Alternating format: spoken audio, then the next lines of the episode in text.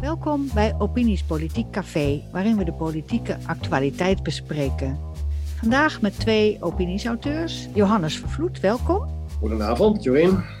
En uh, Freek van Beets, ook welkom. Dag. Ja, dag Johannes, dag uh, Jorien. Oké, deze week zag het uh, regeerakkoord, ik moet zeggen het coalitieakkoord 2021-2025, het licht. De VVD, D66, CDA, ChristenUnie schreven samen zo'n 50 pagina's aan uh, voornemens in zeven hoofdstukken en een uh, financiële bijlage. Uh, Freek en Johannes, jullie hebben het allebei gelezen, hè? Ja, doorgebarsteld, ja. Ja, ja. ja. Oké, okay. Johannes, werd je blij toen je hem las? Nou, meer verdrietig. Ach. Het begon al met de titel. Uh, onze hoofdredacteur heeft er overigens al een tweet aan gewijd. De, de, titel heet Vooruitkijken naar de toekomst. Dat kan natuurlijk niet, dat is een pleonasme. Mm -hmm. En je kijkt naar de toekomst of je kijkt vooruit. Niet, niet allebei. Maar ik vind het een verkeerde titel. Als ik het had mogen zeggen, had ik het genoemd Op de Pof. Ah. Dat had me een goede titel geleken. Ja, Want ja. ja. als je kijkt wat, wat er gebeurt, er wordt echt met geld gesmeten. 60 miljard aan fondsen, 35 voor klimaat, 25 voor stikstof. Ja, en dan kun je je meteen afvragen, uh, is, is dat goed besteed geld? En dan uh, denk ik aan, aan de column die jij vandaag uh, gepubliceerd hebt, Freek. en dan denk ik ook aan de, de column van, van Plasterk gisteren in de Telegraaf. Ja, stikstof is een, een non-probleem gecreëerd door ambtenaren. Ja. En, daar, en daar, daar smijten we dan 25 miljard tegenaan. En dan ook nog eens 35 miljard aan klimaat. Terwijl, en ook dat heb je gezegd in jouw column, Freek, sorry als ik jou ja. dupliceer, maar ik vond het nee. een goed stuk. Um, dat, dat de meerderheid van de Nederlanders, uh, en met name dus de, de, de, stemmers op VVD en CDA, maar ook op de SP, uh, het helemaal geen goed idee vinden. Klimaat niet, stikstof niet, open grenzen niet. En zeker geen EU-federatie. Dat was mijn eerste indruk, uh, Jorien.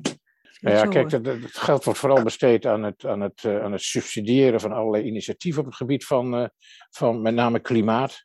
Ja, en met subsidies, uh, daar loopt het vaak in Nederland helemaal niet zo goed mee af.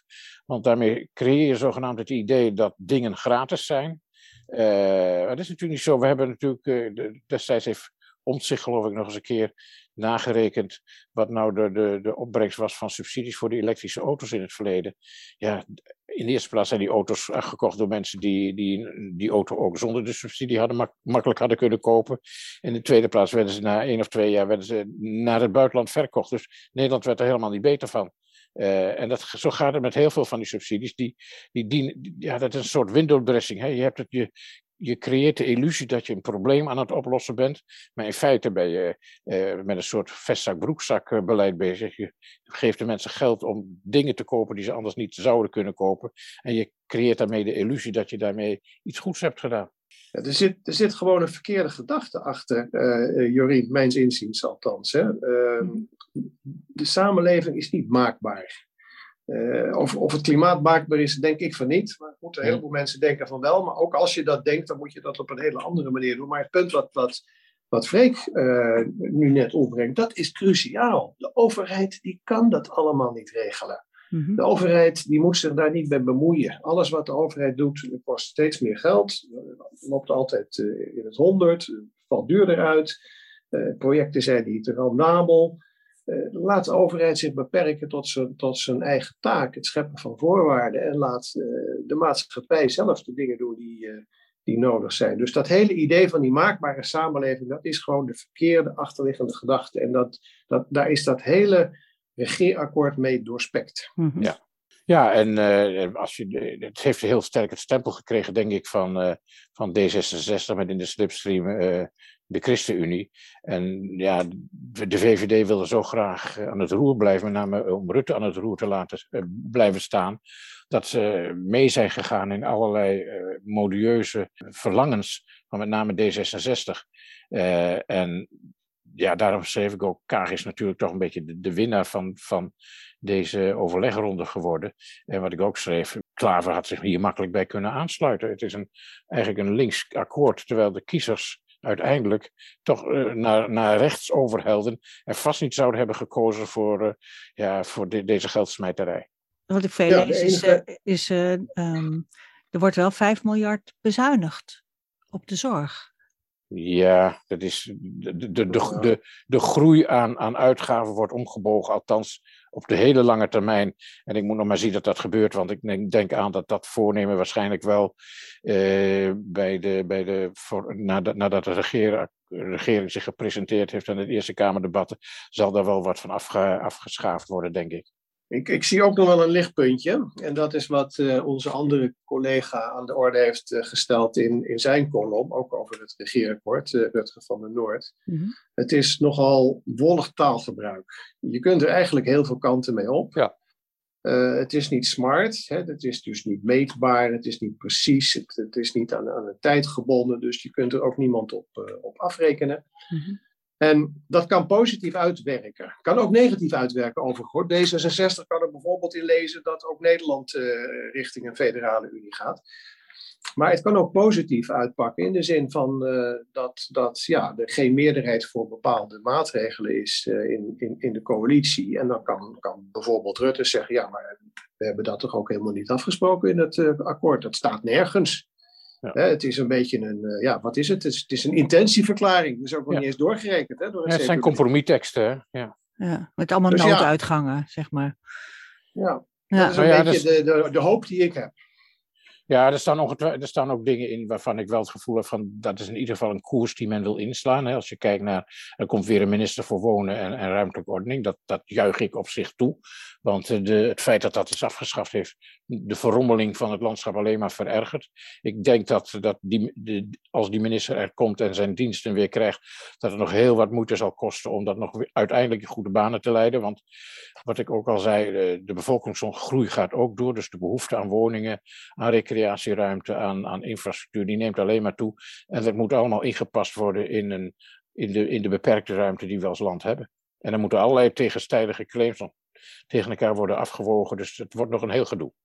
Wat vind jij daarvan, Johannes? Want jij vindt dat de overheid zich er niet te veel mee moet bemoeien, misschien. Nou ja, de, overheid heeft een bepaalde taak in mijn ogen, namelijk het scheppen van voorwaarden en Ja. het opruimen van obstakels. En als je vooral naar dat laatste kijkt, die zijn er op het gebied van, van bouwen enorm. Hè? De, de, de doorlooptijd van projecten. Om eens een voorbeeldje te noemen, hè, vanwege eh, die, die, die, die, wiebelstroom, hè, dus eh, zonne- en, en windenergie, moeten er nieuwe hogespanning, hoogspanningsleidingen komen. Dat zijn projecten die duren acht jaar twee jaar om te bouwen, maar zes jaar aan procedures. Ja. Nou, dat is toch verschrikkelijk. Als je dan Ja. kijkt naar China, die bouwen in één maand een compleet nieuw ziekenhuis.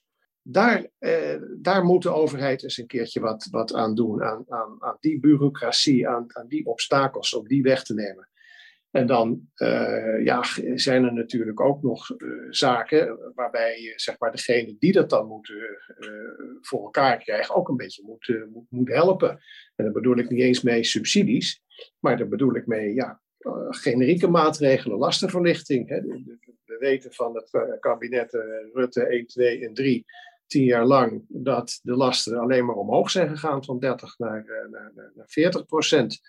Ehm, nu wordt er een beetje aan lastenverlichting gedaan. Hè. Dat is die genoemde 3 miljard voor eh, met name de middengroepen. Eh, dat klinkt goed en dat is op zich positief. Hoewel ik alweer een analyse heb gezien dat als je naar het totale plaatje kijkt, eh, het min 1,8 miljard is. Wat het netto effect is van de, van de, van de lasten uit, uit dit regeerakkoord. Dus ja, de overheid kan een heleboel doen, maar moet niet op de stoel gaan zitten van de ondernemer. Mhm. Ja, en veel, veel van de maatregelen die worden voorgesteld, betekenen eigenlijk een uitdijing van de bureaucratie. Hè? Als je ziet op wat voor terreinen de overheid allemaal maatregelen wil treffen, eh, waar ze eh, geld voor willen gaan uitgeven, dat moet straks allemaal weer door organisaties eh, bekeken en, en, en uitgedeeld gaan worden. Kortom, het, het wordt er alleen maar ingewikkelder en lastiger en moeilijker voor de gewone burger door, denk ik. Maar ik heb begrepen dat ze wel de crisis- en herstelwet in stelling willen brengen om wat te, dingen te bespoedigen. En Ja. daarin, ja, daar kun je dus een heleboel procedures overslaan. Ik hoop het. Ik heb er tot nu toe niet zo gek veel van gemerkt. Ik had destijds, uh, lang geleden, de zogenaamde Rotterdamwet, waardoor zeg maar, Rotterdam op een aantal terreinen uh, uh, een aantal regels, als het ware, versoepeld zagen en initiatieven konden nemen die, die sneller tot resultaten leiden dan, dan in het verleden. En ik denk dat dit daar ook een voorbeeld van is. Maar ik weet dat de, de omgevingswet eraan zit te komen. Dat is een, een, een wet die zeg maar, heel veel van die oude wetten, zoals de hinderwet en de en ik weet allemaal niet, milieuwetgeving, die worden allemaal gebundeld in één grote omgevingswet. Uh, daar, zit nog, daar zitten nog veel haken en ogen aan, omdat, nou, wat, voor zover ik er tot nu toe iets van gezien heb, het heel sterk gedigitaliseerd gaat worden. En dat betekent voor de burger eigenlijk een onmogelijkheid om nog je weg te vinden in al de regelgeving die de overheid dan gecreëerd heeft. Ja, ik, ik heb er wel eens een stukje over geschreven en daarbij een vergelijking gemaakt tussen Nederland en België. België is helemaal geen woningnood. Nee. En hoe komt dat? Omdat er heel weinig regels zijn. Er is, er is weinig planning. Uh, het geeft ook weer een, negatieve dingen. Hè? Dat een beetje een rommelige indruk. Zodra je over de grens bent, zie je dat. Maar er is geen woningnood in België. Dus ja, daar kunnen wij denk ik nog wat van leren. Wat ik overigens wel een goed punt vind, als we het nu toch over, uh, over wonen hebben, mm-hmm. dat de verhuurdersheffing wordt afgeschaft. Ja, dat betekent ja. dat, dat de woningcoöperaties nu wat, wat meer ruimte krijgen om te doen waar ze voor opgericht zijn, namelijk sociale woningbouw. Ja. Dus, Nee, niet, alleen, niet alleen negatief. Laten we nee, hoor, er zitten ook heel veel goede dingen in. Ik noemde dus die, die, die, die, die minister voor Wonen en zo. Dat vind ik, eh, wonen en ruimtelijke ordening vind ik een heel goed. Maar waarom er nou een minister voor armoede of zo moet komen, las ik ergens. En een minister voor stikstof, dat vind ik allemaal zo'n flauw. Ja, als je twintig ministers gaat aanstellen, dan moet je wel wat bedenken natuurlijk. Ja, ja maar dat betekent dus, eh, voor, als je de Haagse situatie een beetje kent, enorm veel coördinatie en afstemmingsproblemen. Ja. de grote vraagstukken hè, waar we het regelmatig over hebben in deze podcast, ook de immigratie, woningnood, soevereiniteit van uh, Nederland of de bestuurscultuur, komen die dingen voldoende aan bod in uh, dit plan, vinden jullie? Nou, Frank, dat, is jou, dat is niet voor jou, dat is de olifant. ja, ja dat, dat staat met, woord, eh, met, met, heel veel woorden staat er van alles in. Ja, de, de, de, de bevolkingsgroei wordt niet genoemd. Hè. Er wordt wel iets over migratie gezegd en over asiel. En dat zijn diezelfde term, terminologie die eh, ook eh, de voorgaande kabinetten zag. En we hebben gezien dat het tot niets leidde, omdat ja, de partijen zijn het daar absoluut niet over eens. Hè. Dus uh, een strenger asielbeleid, of laat staan de, een, een, een, een, een ombuiging naar de richting van, van wat Denemarken doet, dat zie ik er echt niet in zitten. En dat is nog iets wat de VVD de kiezers altijd heeft voorgehouden. Dat vind ik echt heel onbegrijpelijk, want zolang onze bevolking blijft groeien met pakweg zo'n 100.000 per jaar, uh, zie, ik, zie ik voorlopig geen eind aan de woningnood. Dan bouw je een miljoen woningen. Bente Becker is ook al twee maanden stil, hè? Ja. Met, ja. Uh, met al haar stoere taal. Ja. Het enige wat ik er heb in kunnen ontdekken, maar uh, moest echt met, met een vergrootglas uh, zoeken, was dat er nu een, een ongewensheidsverklaring kan komen voor uitgeprocedeerde asielzoekers die niet meewerken aan hun, aan hun vertrek. Ja. ja, dat is natuurlijk grotendeels ook een papieren werkelijkheid. We moeten zien hoe hoe dat in de praktijk gaat uitwerken. Waar het natuurlijk om gaat, is dat je ervoor zorgt dat mensen die hier niet mogen blijven ook vertrekken. En ja, daar, daar zie ik geen harde concrete maatregelen. Nou ja, gewoon veel strenger aan de poort. Je, je, kunt nu, je krijgt in de, in de EU toegang als je zegt dat je een asiel aankomt vragen. Dan moet het land, het ontvangende land, moet je, moet je opnemen en dan moet je een onderzoek starten en dat, dat duurt dan maanden. In feite ben je dan binnen en dan weet je dat je eigenlijk niet teruggestuurd wordt. Dat vind ik een hele rare situatie. Als je in een land wil werken, dan moet je dus een, een, een, een visum aanvragen. Uh, dat loopt via de ambassade en dan, kun je dus, dan krijg je een beslissing of je wel of niet tot het land wordt toegelaten. Uh, asielmigranten zouden dat ook kunnen doen. Kijk, want er komen geen vluchtelingen vanuit Duitsland of België hier. Als ze hier naartoe komen, komen ze uit verre landen. Uh, wat weerhoudt ze ervan om, als je in Turkije zit om daar een visum aan te vragen? Ja, ja nee, dat mag allemaal niet. Ik weet dat het, het, het, het, is allemaal in strijd met allerlei wetgeving en regelgeving. Maar wat ik al, wat ik al schrijf is, misschien moeten we ook eens heel serieus nadenken over aanpassing en wijziging van de regelgeving die er is. Ja. Ik bedoel, uh, waar, waar, staat dat, dat je wetten niet kunt wijzigen? Nou, dat is dus een heel fundamenteel punt wat je ja. nu aansnijdt. En uh, het is bekend dat Nederland uh, alles doet wat uh, internationaal op papier gezet wordt. Ja. Dat gaat boven, boven ons eigen nationale recht. En hier hebben we het natuurlijk over het vluchtelingenverdrag. Ja. Wat natuurlijk in een hele andere tijd is ontstaan en ook een hele andere, andere bedoeling had. Maar ook met het vluchtelingenverdrag, uh, waar we ons aan, aan, moeten houden, dan nog kunnen we veel meer doen dan dat we nu doen. Met name opvang in de regio, de grenzen beter bewaken, mensen niet meteen door laten lopen. Hè. We hebben tenslotte nog het Dublin-verdrag, waar niemand zich meer aan houdt. Ja, ja. maar iedereen loopt meteen door naar Nederland en, uh, en Duitsland. Dus je kunt veel meer doen. Maar ik heb niks ontdekt in, in het regeerakkoord dat daar maatregelen nee.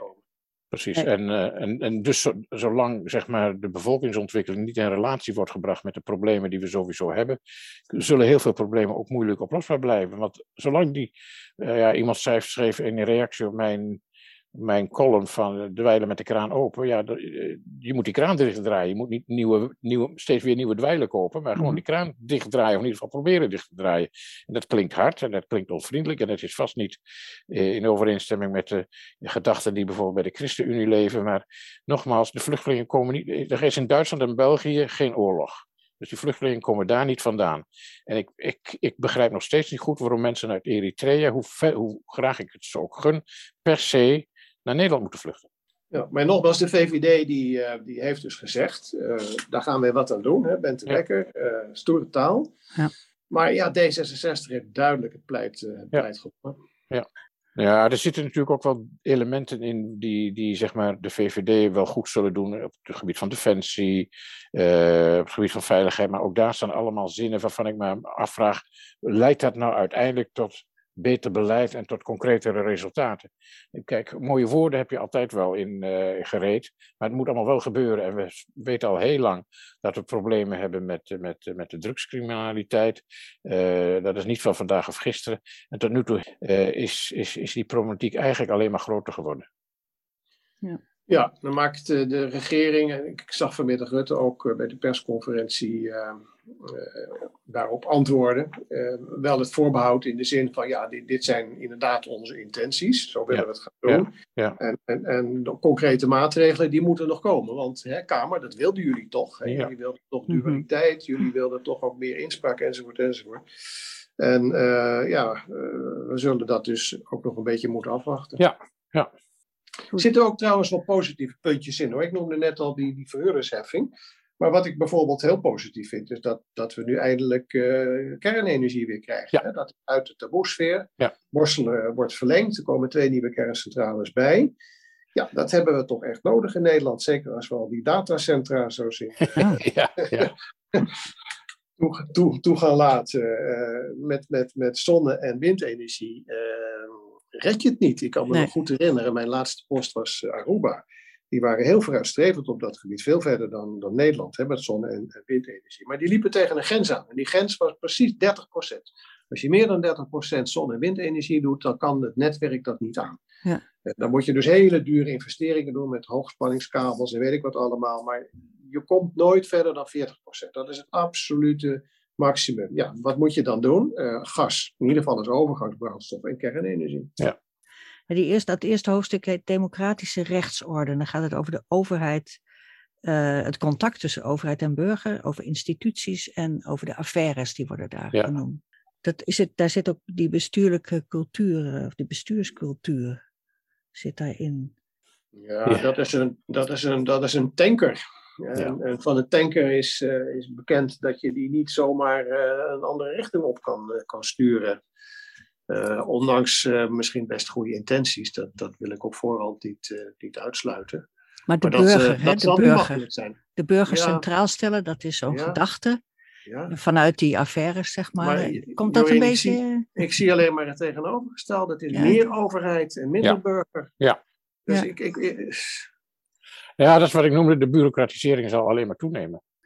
Hey, en het zoals het volgende- nu gaat, oh, dat is niet een Ja? garantie voor, eh, voor hoe het dan beter gaat. Probeer eens, maar eens iemand te bellen.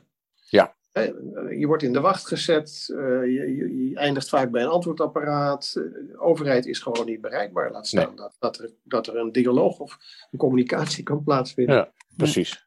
Het volgende hoofdstuk, eh, dat heet dan Duurzaam Land. Wat natuurlijk een schande is, is dat, dat vanwege een, een niet bestaand probleem on- on- on- onze florerende export, eh, succesvolle agrarische sector de nek wordt omgedraaid. Ja, ja. Dat is natuurlijk vreselijk. Ja. Niet alleen voor de mensen zelf, voor de boeren, maar, maar de hele economie, het hele, het hele Nederlandse verdienmodel is voor een heel groot gedeelte daarop gestoeld. En dat, dat wordt zomaar opgeheven. En dan kan je er nog een aantal dingen aan, aan vastplakken. De multinationals worden weggejaagd, de bouw wordt lamgelegd enzovoort. Het hele verdienmodel van Nederland gaat op de schop. En er is niets wat erin voor de plaats komt. Wat mij zo vreemd voorkomt is dat alhoewel er ook gerenommeerde uh, deskundigen zijn die vraagtekens stellen bij dat hele stikstofprobleem. Ja. En met, met overtuigende argumenten komen dat het, toch wel heel, uh, dat het toch wel eens anders zou kunnen liggen. En dat je zelf ten aanzien van de zogenaamde biodiversiteit de nodige vragen kunt hebben. Dat, dat, dat, dat, dat daar ook geen enkel, op geen enkele manier aan naar wordt geluisterd. Dat vind ik heel merkwaardig. Wat dat betreft vond ik die, die column van Plasterk natuurlijk wel een, een goede binnenkomer. Maar Plasterk schreef dat, dat, dat, dat het een verzonnen probleem is. Oh, Door ambtenaren ja. verzonnen probleem. Ja. En dit, ja, het is niet alleen ambtenaren, het is een conctie geweest van ambtenaren en, en, en, en actiegroepen en organisaties, waardoor die hebben gebruik gemaakt van, uh, van, uh, van de aanwijzing van die Natura 2000 gebieden, om elk gebiedje waar ook maar één bijzonder bloemetje bloeide aan te wijzen tot, uh, tot beschermd gebied. Ja. krankzinnig. En het dus lijkt niks... soms wel een, een stok om de boeren mee te slaan. Of is dat te, te conspiracy. Voor een deel, maar het is natuurlijk ook hobbyisme op de vierkante meter. Hè? Uh, je moet, wat ik al eerder heb gezegd, Nederland is een betrekkelijk klein land. Met een steeds maar uitdijende bevolking. En al die uh, concurrerende uh, verlangens, uh, claims op de ruimte, zal ik maar zeggen. Ja, die botsen en dan moet je keuzes maken. En je kunt gewoon niet, niet blijven volhouden dat je overal maar natuur moet hebben. Bovendien, de meeste, meeste gebieden die in Nederland natuurgebieden zijn, zijn gewoon aangelegde gebieden. Hè? Nederland is eigenlijk een parklandschap. Het is door Nederland gemaakt. En, en wie zegt dat de situatie zoals die bij wijze van spreken rond 1900 was, dat dat de situatie die tot een lengte vandaag moet blijven bestaan? Plus het verschil tussen meten en op papier zetten. Hè? Dat is ja, dat is, kijk, er, er wordt, er, wat ik heb begrepen, ik ben geen deskundige, wordt er nauwelijks gemeten, maar wordt er gewerkt met modellen. Precies. En uh, daar, is wel, daar mag ook wel eens heel kritisch naar gekeken worden. Nou ja, dat heeft uh, Omtzigt ook al een keer, uh, keer gezegd. Die, is, die weet wat meer van modellen dan, dan heel veel anderen. Hij is ook gepromoveerd. Maar er is ook al, al door, door andere deskundigen erop gewezen dat als je feitelijk meet uh, in gebieden waarvan de modellen zeggen dat daar normen worden overschreden, dat het vaak helemaal niet waar is. Ja. En wat, eh, wat uh, Plasterk heel scherp, maar wat ik uh, ook al een paar keer heb geschreven, is: het is toch raar dat het stikstofprobleem zich voornamelijk in Nederland voordoet. Dat nergens anders in Europa hebben ze daar last van. Ja, het rammelt aan alle kanten, zeg maar, ja. dit onderwerp. 25 miljard weggegooid geld, plus de agrarische sector de nek omgedraaid. Ja, Over die infrastructuur. Ik heb niets ehm, gelezen in het akkoord zelf, maar aan de vooravond daarvan was er toch heel veel gedoe rond Schiphol. Ja. En uh, Nederland is natuurlijk altijd bekend om zijn distributiefunctie. Gateway to Europe, ze hadden wel mooie termen voor. Um, Schiphol is onze mainport en daar verdienen we direct, maar vooral indirect heel veel aan. Als dat, uh, als Schiphol, uh, ja, om, om ook weer klimaatbeleidsredenen uh, wordt ontheven van zijn, van zijn, van zijn hubfunctie. Ja, dat is natuurlijk ook weer een beleid waarvan je moet zeggen van hoe, hoe, hoe verzin je het? Ja. Uh, en, en in het kader van prioriteitenstelling is dat wel een van de laatste dingen die je moet doen. Maar nogmaals, ik heb het niet teruggevonden in het regeerakkoord. Dus misschien valt het. Ja, misschien niet in dit regeerakkoord, maar de, de man die dus, zeg maar, ook de hele stikstofcrisis uh, uh, als het ware mede heeft veroorzaakt, die actievoerder van ik de naam even kwijt ben, die, uh, die heeft nu... Volle broek? volle broek, precies. Ja. ja. die had, had al een tijdje geleden aangekondigd dat hij ook Schiphol zou aanpakken, omdat hij had uitgezocht dat Schiphol niet, althans niet vanaf een bepaalde periode, over een natuurvergunning beschikt.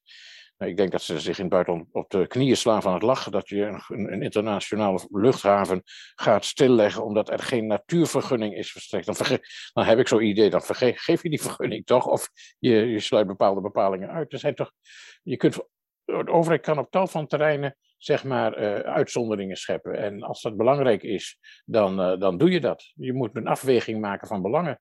Dat kan ja, toch niet zo... en, en, en diezelfde Vollebrecht die heeft gezegd dat het om uh, 100.000 vluchten zou gaan. Hè, als, als, als die ja, Vollebroek heet die geloof ik. Ja? ja? Maar daar hebben we Lelystad voor. Die haven die is klaar, die kan zo open. En die kan precies die 100.000 vluchten voor, stikstof, voor ook een stikstofverkeer. Ja, dat is een geluidsprobleem. Hè? De mensen op de Veluwe zeggen dat uh, om, om allerlei redenen zou daar laag moeten worden gevlogen. Wie, wie, er een geluidsprobleem heeft, dat zijn wij hier in het Westen, niet, ja. uh, niet in Nee, precies. Nee, dat is ook zo. dat is ook zo. Nee, dat is ook zo. ja, Johannes, jij zei net van, ja, we draaien de, de, ja, de sector, die draaien we de, de nek om. Als ik het laatste hoofdstuk lees, uh, één na laatste hoofdstuk, daar, daar wordt gesproken over digitalisering. Daar wordt enorm van opgegeven. En misschien is dat de gedachte van de regering dat we daar voortaan ons geld mee gaan verdienen. Ja. Want maar dan moet je Nederland geen, wil, wil koploper zijn, wil, wil digitale hub worden van Europa. en digitalisering op zichzelf is niet een verdienmodel. Digitalisering is een, is een manier om bestaande sectoren, maar ook sectoren die nog in ontwikkeling zijn, wat beter te laten functioneren. Digitalisering zelf, behalve voor de ICT'ers die daar werken, is niet, uh, niet op zichzelf een, een, een nieuw verdienmodel. Ja, of de, de, ontwikkeling van nieuwe technieken die je kan verkopen. Ik weet dat ze erbij denken hoor, maar die indruk kreeg ik van nou dat, wordt het, dat is de nieuwe... Uh, Kijk, we hebben natuurlijk ASML waar we heel veel geld mee verdienen. Uh, en zo zijn, zo zijn er meer firma's die in, in die in die digitalisering uh, werkzaam zijn. Maar digitalisering is een heel breed begrip, wat, wat je op allerlei terreinen uh, toepast. Uh, en, en we krijgen natuurlijk de AI, hè, Artificial Intelligence. Precies. We krijgen de, de, de enhanced de, de, manier om te kijken naar, naar de wereld. Er zijn allerlei ontwikkelingen, maar die, die, die, die spelen zich niet af in één sector, in één gebiedje. Nee, dat, dat, mm. over de hele linie is dat. Dus uh, ja, als je daar van die nieuwe technieken gebruik maakt, dan kun je die sector natuurlijk uh, laten floreren. Daar heb je wel datacentra voor nodig. Hè? Ja, nou. Ook dat. Ja. ja. Zeker. Ja. Nou, digitaal knooppunt van Europa staat er als een van de. Ja, ja nou, knooppunt hebben we heel vaak willen zijn. We waren ook de, de, uh, draaischijf voor gas, geloof ik. Hè? Was ook, de gasrotonde. De gasrotonde, oh, precies. Rotonde, ja, ja. ja, en we waren ook op het gebied van de, de, de, de, het goederenvervoer hadden we ook allemaal grote ambities. Ik kan me de tijd van Nelly Kroes nog herinneren. Nee, we, aan ambities is er nooit geen gebrek en dat, dat, dat blijkt ook weer uit dit, uit dit uh, de teksten van deze, de, dit coalitieakkoord. Maar ambities moet je waarmaken. En, en ik, ik heb nu de, een bladzijde 12 zo voor me. en dan valt ineens mijn blik op zo'n zin als... Gezien de uitdagingen voor de visserij... moet er voldoende ruimte en perspectief zijn voor innovatie en diversificatie. Zie je, daar heb je het al. Innovatie. Ja. Maar wat, wat, wat staat er eigenlijk? Niks. Ja, bovendien, de visserij is, is ten dode opgeschreven. De hele Noordzee wordt volgepland met windmolens. Er is geen ruimte meer over. Ja, daar heb je gelijk in. Ja. Er heeft waarschijnlijk iemand gezegd, ik mis nog een tekst over visserij. Nou, dan, dan, dan, dan wordt er zoiets opgeschreven. Er staat gewoon helemaal niks. Ja. Nee. Maar dat is ook weer zo'n sector die de nek wordt omgedraaid. Ik maak me daar echt hele grote zorgen over. Dus eh, sommige mensen die, die, zeggen, nou, maar het gaat goed met de economie. Ja, ja. conjunctureel. Hè, er is een, een navraag vanwege de coronapandemie. Maar structureel hebben wij volgens mij in Nederland een heel groot probleem. Hmm. Ja. Volgens mij, maar dan misschien eh, heeft het wel dwaal ik iets te veel af, maar het heeft ook wel met de teksten van dit soort uh, passages eh, te maken, met de mensen die daar ook achter zitten. Er zijn in de politiek nog maar heel weinig mensen die een achtergrond in het bedrijfsleven hebben. Heel veel van de mensen, als je ook naar de, naar de, de, de, de opleidingen kijkt naar de mensen die nu in de Tweede Kamer zitten, die komen allemaal uit de dienstensector of zijn in, via de partijen omhoog geklommen of komen uit de ambtenarij. Er zijn maar heel weinig mensen die nog een rechtstreekse relatie hebben met gewoon het, het geld verdienen op de markt en in bedrijven. Ja. En daar, daarmee krijg je dus dit soort, het wegwuiven van, ach, het geld is er toch wel. Je ziet dat vooral bij kringen van GroenLinks, die, die vinden het bedrijfsleven sowieso vervoerlijk. Die denken dat er een geldboom ergens staat waar je aan kunt schudden. Ja, die staat er ook. Die staat bij de ECB, toch? Of, uh... nou zei Rutte vanmiddag dat uh, hij kon natuurlijk nog niet zeggen wie er in de nieuwe ministersploeg zitten. Maar hij zei wel dat er voor een aantal uh, beoogde nieuwe ministers gold dat ze hun zakelijke belangen eventjes opzij ja. zullen moeten zetten. Nou, dat geeft hoop dat er in de nieuwe ministersploeg mensen komen uit het bedrijfsleven. Ik, ik, eh, ik hoop het, ik moet het nog zien. Uh, mensen als, als uh, Hoekstra, die komen dus uit de consultancy. Dat zou je nog voor een deel bedrijfsleven kunnen noemen. Maar ik zou ze graag... Ja, vroeger had je in de Kamer mensen die uit de agrarische sector afkomstig waren. Of uit, de, uit het midden, klein, midden- en kleinbedrijf. Dat, dat heb je eigenlijk nauwelijks meer. We zullen zien, Freek. Ja. veiligheid, sterke samenleving, justitie, preventie, drugs, radicalisering, mensenhandel, prostitutie. Er gaat in ieder geval meer geld naartoe. Ja. Ja, En eh, gisteravond of, eh, op op 1, dat was ook de, de commissaris van de, van de politie, die was er eigenlijk wel vrij positief over. Het is natuurlijk niet zo dat dat meteen alle, alles gaat oplossen, maar in ieder geval wordt het probleem serieus genomen. Hè, de, de, de drugscriminaliteit, de relatie tussen boven- en onderwereld. En eh, ja, eh, het, het onderwerp heeft eindelijk, eh, moeten we denk ik zeggen, eindelijk aandacht. Wat voldoende is, eh, moeten we afwachten. Ja, nee, hier zie je, denk ik, toch een beetje de hand van, eh, van de VVD en CDA in. Eh, justitie en veiligheid zijn natuurlijk heel lang verwaarloosd. We dachten dat de mensen van zichzelf heel goed waren en dat als je maar met ze praat, dat ze dan wel op het rechte pad zouden blijven. Dat hebben we de laatste jaren gemerkt dat het toch niet zo werkt. En nu staan er van die prachtige zinnen in als ondermijnende criminaliteit vraagt om harde, realistische en effectieve aanpak. Eh, en dat doen we dan door versterking van forse investering in de justitie- en veiligheidsketen. Op zichzelf is dat goed, maar of dat inderdaad leidt tot, tot, tot, tot een echt een effectieve aanpak, dat moeten we natuurlijk toch nog maar afwachten. Precies, tot nu toe eh, doen we het met foeigesprekken. Ja. Maar ik ben bang dat je toch wat eh, zwaarder zult moeten straffen. Wil je Nederland niet langer als paradijs voor criminelen handhaven? Bestaanszekerheid en kansengelijkheid. Het gaat over onderwijs, eh, ontwikkeling, arbeidsmarkt, inkomen en jezelf zijn. Eh, Het gaat over racisme en gender en antidiscriminatie en dat soort eh, dingen. En integratie en inburgering. Ja, ook weer geld, hè? 4,7 miljoen naar onderwijs. Dat is op zich natuurlijk positief. Moet je natuurlijk daarbij wel altijd afvragen wat voor onder zijn, Ja. onderwijs. Hè, leren ze rekenen en, eh, en taal? Of eh, moeten ze de boekagenda afwerken? Maar eh, ja, in principe, in principe positief. En eh, ook daar geldt van we zullen moeten afwachten hoe dat in de praktijk gaat, gaat uitwerken. Ja, kijk, sinds er is ooit, maar dat is ook weer een jaar of vijftien geleden, als ik het wel heb, een, een commissie geweest onder leiding van Dijsselbloem, die eigenlijk tot conclusie had dat we niet te veel in het onderwijs moeten gaan, gaan hoe zeg ik, vernieuwen. Te veel projecten en te veel vernieuwing in het onderwijs, want dat brengt alleen maar onrust en dat heeft de kwaliteit van het onderwijs zelden verbeterd.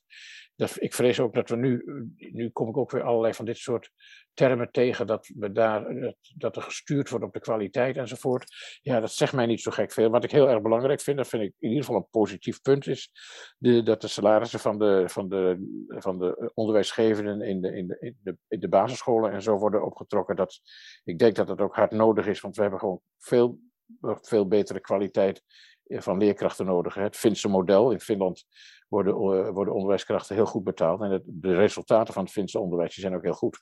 Ja, Het aanzien van het vak. Ja, aanzien Ja. van het vak. Ja. ja, nee zeker. Dus dat is wel hoopgevend. Ja. Ik, ik kijk ook altijd, eh, Jorien, wat, wat er niet staat hè, in zo'n zo'n regeerakkoord.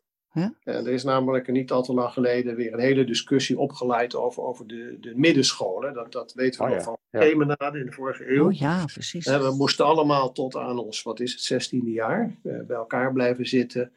Eh, hè, dat was eh, sociaal beter. eh, en, En elkaar dat- stimuleren en zo. ja, ja, ja, ja. Nou, dat is natuurlijk één grote ramp geworden, is toen ook afgeschaft. Ja. Ehm, en daar werd weer heel serieus over gesproken. Ehm, en dat, dat heb ik gelukkig niet gelezen in het Nee, dat klopt. Dat is waar. Ja. ja. Positief puntje. Ja. ja. Eh, de zorg- en, en medisch-ethische problematiek. Er is een bezuiniging, heb ik eh, gehoord. Ik heb het zelf Ja. niet uitgerekend, maar.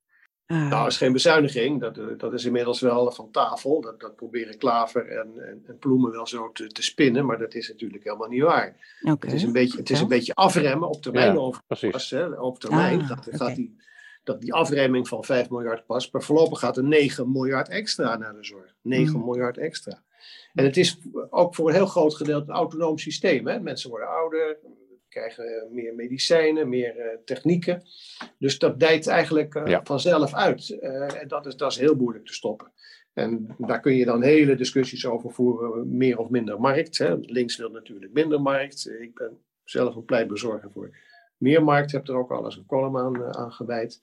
Ja. Want dat wil toch wel wat efficiënter zijn eh, meestal.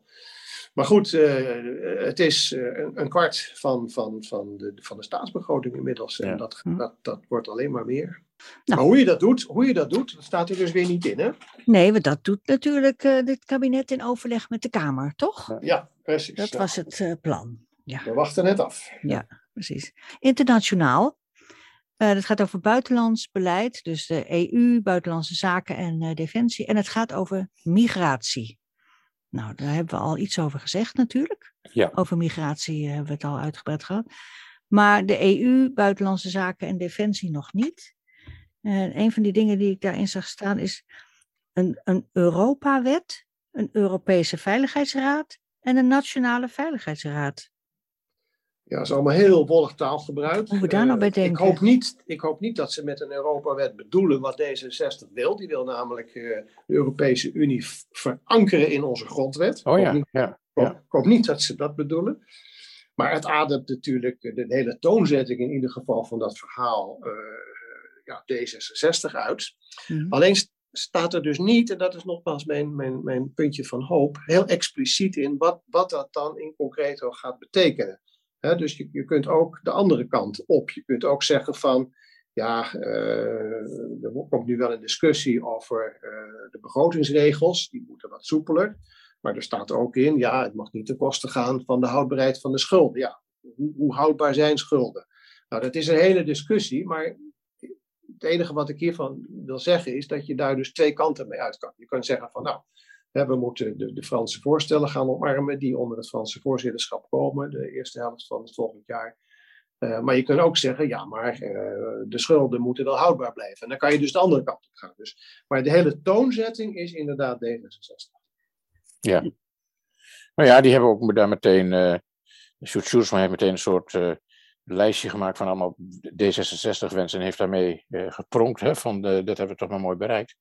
Uh, ja, we moeten het allemaal nog maar zien. Ik, uh, ook dat is weer zo'n punt waarvan ik het gevoel heb dat dat lang niet zo leeft onder de, onder de kiezers, zal ik maar zeggen. Ik moet het allemaal nog maar zien. En bovendien vind ik ook hier weer heel veel wens, wensdenken in. En wat mij heel erg opviel, was het laatste bullet. er wordt, enkel geen, wordt geen enkele regio in het hele stuk genoemd, behalve in het Midden-Oosten vredesproces blijft Nederland zich inzetten voor de twee-staten-oplossing en het verbeteren van de relaties en praktische samenwerking tussen Israëliërs en Palestijnen. Ik bedoel, er is van alles aan, aan de hand in de, in de wereld. Hè. Je moet aan Myanmar kun je denken, je kunt aan China en de Oeigoeren denken, je kunt aan de, de stammenstrijd die in, in Libië is, uh, is je kunt aan Jemen denken, waar toch een gruwelijke oorlog uh, uh, woedt. Maar het mhm. enige wat, waar Nederland zich kennelijk druk over maakt, is het Midden-Oosten vredesproces. En daar bedoelen ze kennelijk wat langer iets anders mee dan uh, de Abraham-akkoorden die voor Israël, die Israël met, met een aantal Arabische staten heeft gesloten en die tot nu toe heel positief uitwerken. Daar wordt allemaal niks over gezegd. Dat is een heel merkwaardig aanhangsel in, in, in, in deze paragraaf. Ja, er is pas uh, in, in de Kamer een heel debat geweest, uh, althans in de commissie hè, van de Kamer, uh, over het Nederlands-buitenlandse beleid. En, en dat is toch wel heel erg bedroevend. ik heb er zelf 40 jaar in gezeten, maar het is niet meer wat het was. realpolitiek, het, het, verdedigen van het Nederlandse belang, dat is bijna afgeschaft. Ja. Het enige wat we nu nog doen is, is ons vingertje opsteken over mensenrechten. Ja. wat hier ja. en daar in de wereld naar ons inziens fout is. Ik zie wel één positief puntje in, in deze hele paragraaf. En dat is uh, dat de NAVO de hoeksteen moet blijven van onze veiligheid. Zeker voor het betreft het verdedigen van het eigen territoire. En er komt inderdaad wel, zoals je net zei, uh, Jorien, een Europese Veiligheidsraad. Maar volgens mij gaat die zich uh, meer bezighouden met zeg maar, vredesmissies aan de randen van Europa waar, waar, waar conflicten zijn. Maar niet zozeer met, met de verdediging van ons eigen, eigen gebied. Ja. Oké. Okay. Nou, dit waren de zeven uh, hoofdstukken. Ja, dat is natuurlijk een hoofdstuk vol met uh, financiële, uh, financiële paragraaf, maar dat, dat is de uitwerking van dit verhaal. Als je het globaal bekijkt, is het ehm, ja, vooral met geld ja. problemen proberen op te lossen en een aantal problemen ook niet adresseren, omdat ze ja, te weinig samenhang in het stuk hebben gebracht. Ja, en misschien ook te gevoelig liggen in de coalitie. En dan wordt er dus ja. met, met taal uh, uh, worden tegenstellingen en verschillen worden als het ware verdoezeld. Ja. Ja, en men denkt met, met geld alles op te lossen. Ja. terwijl Precies. dat, dat geld echt niet gratis is. Eh, om het is heel precies te zeggen, eh, die klimaatfondsen en, en, en stikstoffondsen, die worden gevuld met, met leningen die weliswaar nu goedkoop zijn omdat de rente laag is. Maar dat gaat niet zo blijven. Die rente gaat omhoog. In Amerika gebeurt het al. Eh, Ja. Eh, de Powell heeft aangekondigd van de Fed eh, drie, drie verhogingen volgend jaar. De ECB doet nog helemaal niks. Uh, maar dat gaat op een gegeven moment uh, wel gebeuren. Nou, die looptijden van, van de leningen die worden afgesloten zijn, zijn zo gemiddeld acht jaar. Dus dat betekent dat je acht jaar uh, een beetje kan feestvieren, maar daarna moet het wel betaald. Ja. En Ja. dat gaat dus, gaat dus gebeuren door mensen die dan niet meer afrekenbaar zijn. Dat, dan, dat is dat niet meer Mark Rutte. En ook niet meer Sigrid Kaag. Nee. Nee. En bovendien die fondsen, nou ja, ik, ik val misschien in herhaling. eh, Die, fondsen die, die, die neigen ertoe om, om geld uit te geven, ook aan zaken waarvan je het gevoel hebt van, is dat nou het meest urgent en het meest sprangend? Ik bedoel, wat is er met dat, dat, dat Wiebes eh, eh, eh, Wopke-fonds eigenlijk gebeurd? En ik kan ook in het verleden, in de tijd van Balkenende, waren er ook allemaal fondsen om eh, nieuwe initiatieven op het gebied van, eh, van, van bedrijvigheid te ontplooien, die ook nauwelijks werden uitgeput of werden uitgedeeld aan initiatieven die uiteindelijk niet veel voorstelden. Als het geld er is, wordt het uitgegeven en de vraag is of dat effectief en efficiënt is. Precies. Geef het maar uit een belastingverlaging. Werkt veel beter. Ja, nou, jullie schrijven volgens mij het volgende regeerakkoord, maar dat lijkt me ook goed. Nou, Jorien, we schrijven regelmatig onze columns. En daar ja, staat deze dat moet ook eh, Ja. bijdrage leveren. Ja. Precies. Eh, nou, er staat op- voor op het stuk staat eh, coalitieakkoord 2021-2025. Laatste opmerking. Gaan ze het halen? 2025? Oei, weddenschap. Ja. nou, misschien niet, maar een, Onze een hoofdredacteur zegt ze houden het maximaal een jaar vol. een jaar. Wat denk jij, Freek? Eh, Ik denk ook niet langer dan een jaar. Kijk, eh, ik had het ook, eh, we hebben het al een keer eerder in een podcast aan de orde gehad, geloof ik. En toen heb ik ook gezegd van ja, er komen dus drie, eh, drie eh, eh, parlementaire enquêtes aan. Ja. En die, die betekenen toch heel vaak het vertrek van de zittende bewindsman of bewindsvrouw, omdat die nou één keer de erfenis van de, de voorganger moet, moet, eh, moet dragen, zal ik maar zeggen. Dus dat is een, een, enorm afbreukrisico voor ministers die op die posten gaan zitten. En eh, ja, dat betekent ook al heel snel veel trammeland in het kabinet. En ik moet ook nog Ja. maar zien of, of een aantal van die initiatieven die nu ontplooid gaan worden, als, dat, als zeg maar al die vage eh, beloftes uit dit coalitieakkoord uiteindelijk uitgewerkt worden in concrete maatregelen, of dan eh, niet veel weerstand zal ontstaan. Dat zou ook nog kunnen. Ja, allemaal waar. Maar er is één ding waarom ik denk dat het wel eens langer gaat duren. En dat zijn de peilingen. Mhm. CDA wordt weggevaagd als er verkiezingen komen. Eh, D66 verliest ook gigantisch. Ja. Eh, VVD is alleen Rutte. Stel dat Rutte eh, aftreedt, eh, weggaat, eh, dan zou de VVD ook wel eens kunnen imploderen. Dus ik denk dat om die reden ze wel eens eh, de handjes vast zouden kunnen houden van elkaar. Nog een Ja. tijd. Ja. Nou. Maar we zullen het zien. Ja, precies. We gaan nu eerst eh, ook als eh, podcast het eh, kerstreces in. Allebei hartelijk bedankt voor deze bijdrage. Graag gedaan. En hele fijne dagen natuurlijk. Dankjewel. En we krijgen een witte kerst, hè? Dat spreken we af. Ja. Intentie. Dit was de laatste aflevering van 2021, maar ook van mij als podcast-host. In januari neemt een collega het over, want ik ga weer andere dingen doen. Iedereen reuze bedankt voor het luisteren en fijne feestdagen gewenst. Dag!